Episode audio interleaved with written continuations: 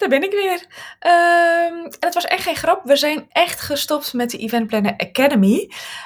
Maar we zijn niet gestopt met, ja, ons brein gaat gewoon door. Dus, ehm, en dat hebben we misschien ook wel uitgesproken in de vorige podcast. Uh, Melanie en ik willen nog steeds dingen verbeteren in wat we zien qua zakelijke evenementen. We zien nog steeds heel veel gemiste kansen. Um, ja, wat moet ik erover zeggen?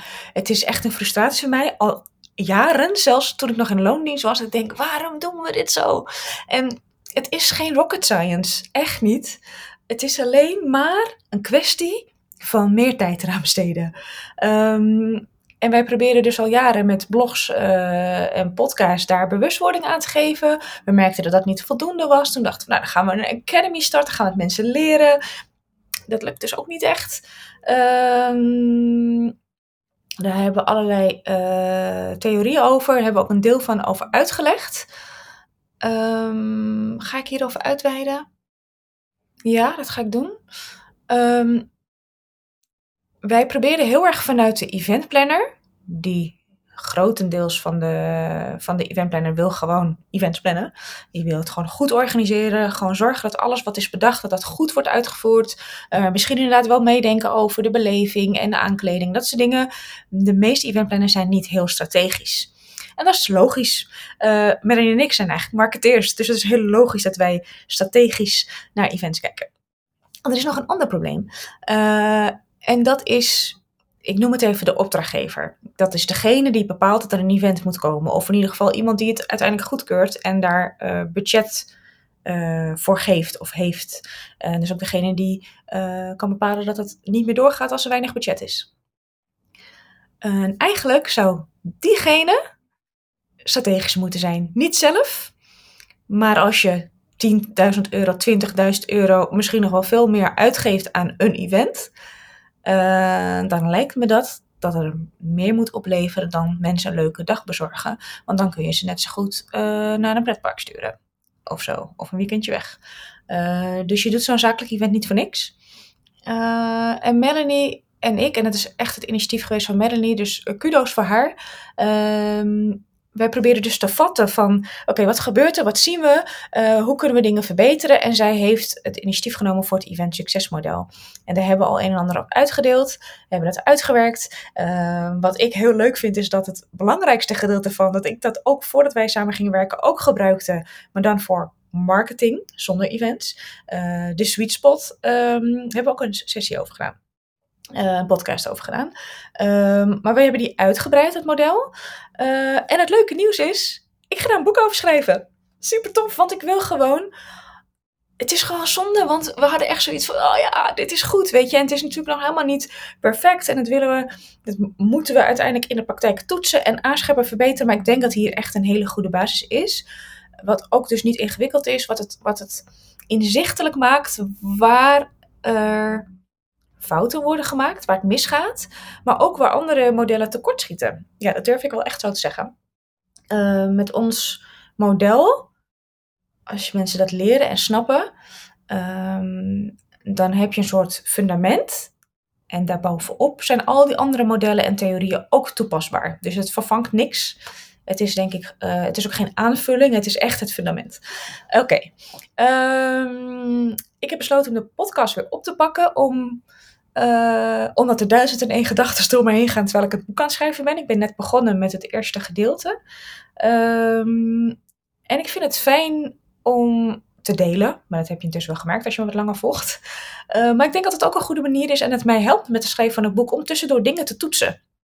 Um, dus dat vind ik wel leuk. Dan doe ik het niet alleen maar in mijn eentje op mijn kamertje, maar kan ik, kan ik mensen meenemen in het proces.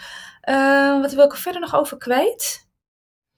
Ja, en, en wat ik heel tof zou vinden. Het boek wordt trouwens uh, geschreven voor iedereen die strategische events wil organiseren. Het gaat niet over het organiseren. Het gaat heel erg over de strategie bepalen. En hoe je dan kan zorgen dat, dat tot, het, tot de uitvoering eigenlijk. Dus we gaan niet vertellen hoe je een event organiseert. Het gaat echt om het hele proces vanaf het initiatief.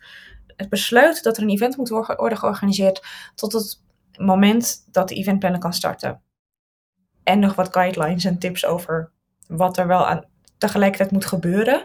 Maar het gaat niet heel erg over de uitvoering. Ehm, het boek is voor iedereen die strategische events wil organiseren. Ehm, dat kan dus de eventplanner zijn die wel strategisch uh, is, of strategisch denkt, of strategischer wil zijn.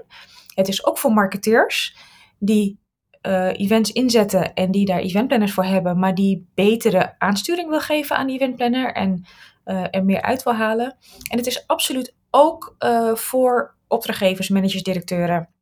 Um, en ook een oproep aan hen om kritischer te zijn. Kritischer zijn waarom je geld uitgeeft. Uh, kritischer zijn in tijd nemen met het sales team en marketingteam en de event manager of wie dan ook. Om samen daar goed naar te kijken. Dat, dat leggen we ook allemaal uit in onze methode. Er is ook een methode. Uh, en dan ga ik hem afsluiten. Uh, wat ik nog hoop dat er gaat gebeuren, en dat hebben Melanie en ik ook naar elkaar uitgesproken. We zijn gestopt met de Event Plan Academy omdat we maar gaven, gaven, gaven. En er kwam gewoon weinig voor terug. Um, en ja, de schoorsteen moet ook roken. Uh, dus we zijn nu andere dingen aan het doen. En tussendoor schrijf ik het boek. Gaan we zaadjes planten. Uh, ga ik het model lanceren. of lanceren, introduceren via het boek. Er is dus ook een hele methode, want een model is maar een model. En er zit nog heel veel details aan wat, wat het maakt of kraakt.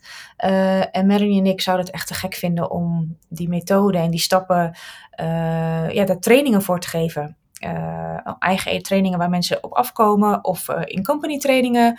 Um, maar we gaan het dus niet meer pushen. Ik ga het boek lekker delen. Ik weet niet hoe lang dat gaat duren. Ik heb nog nooit een boek geschreven. Misschien duurt het een jaar.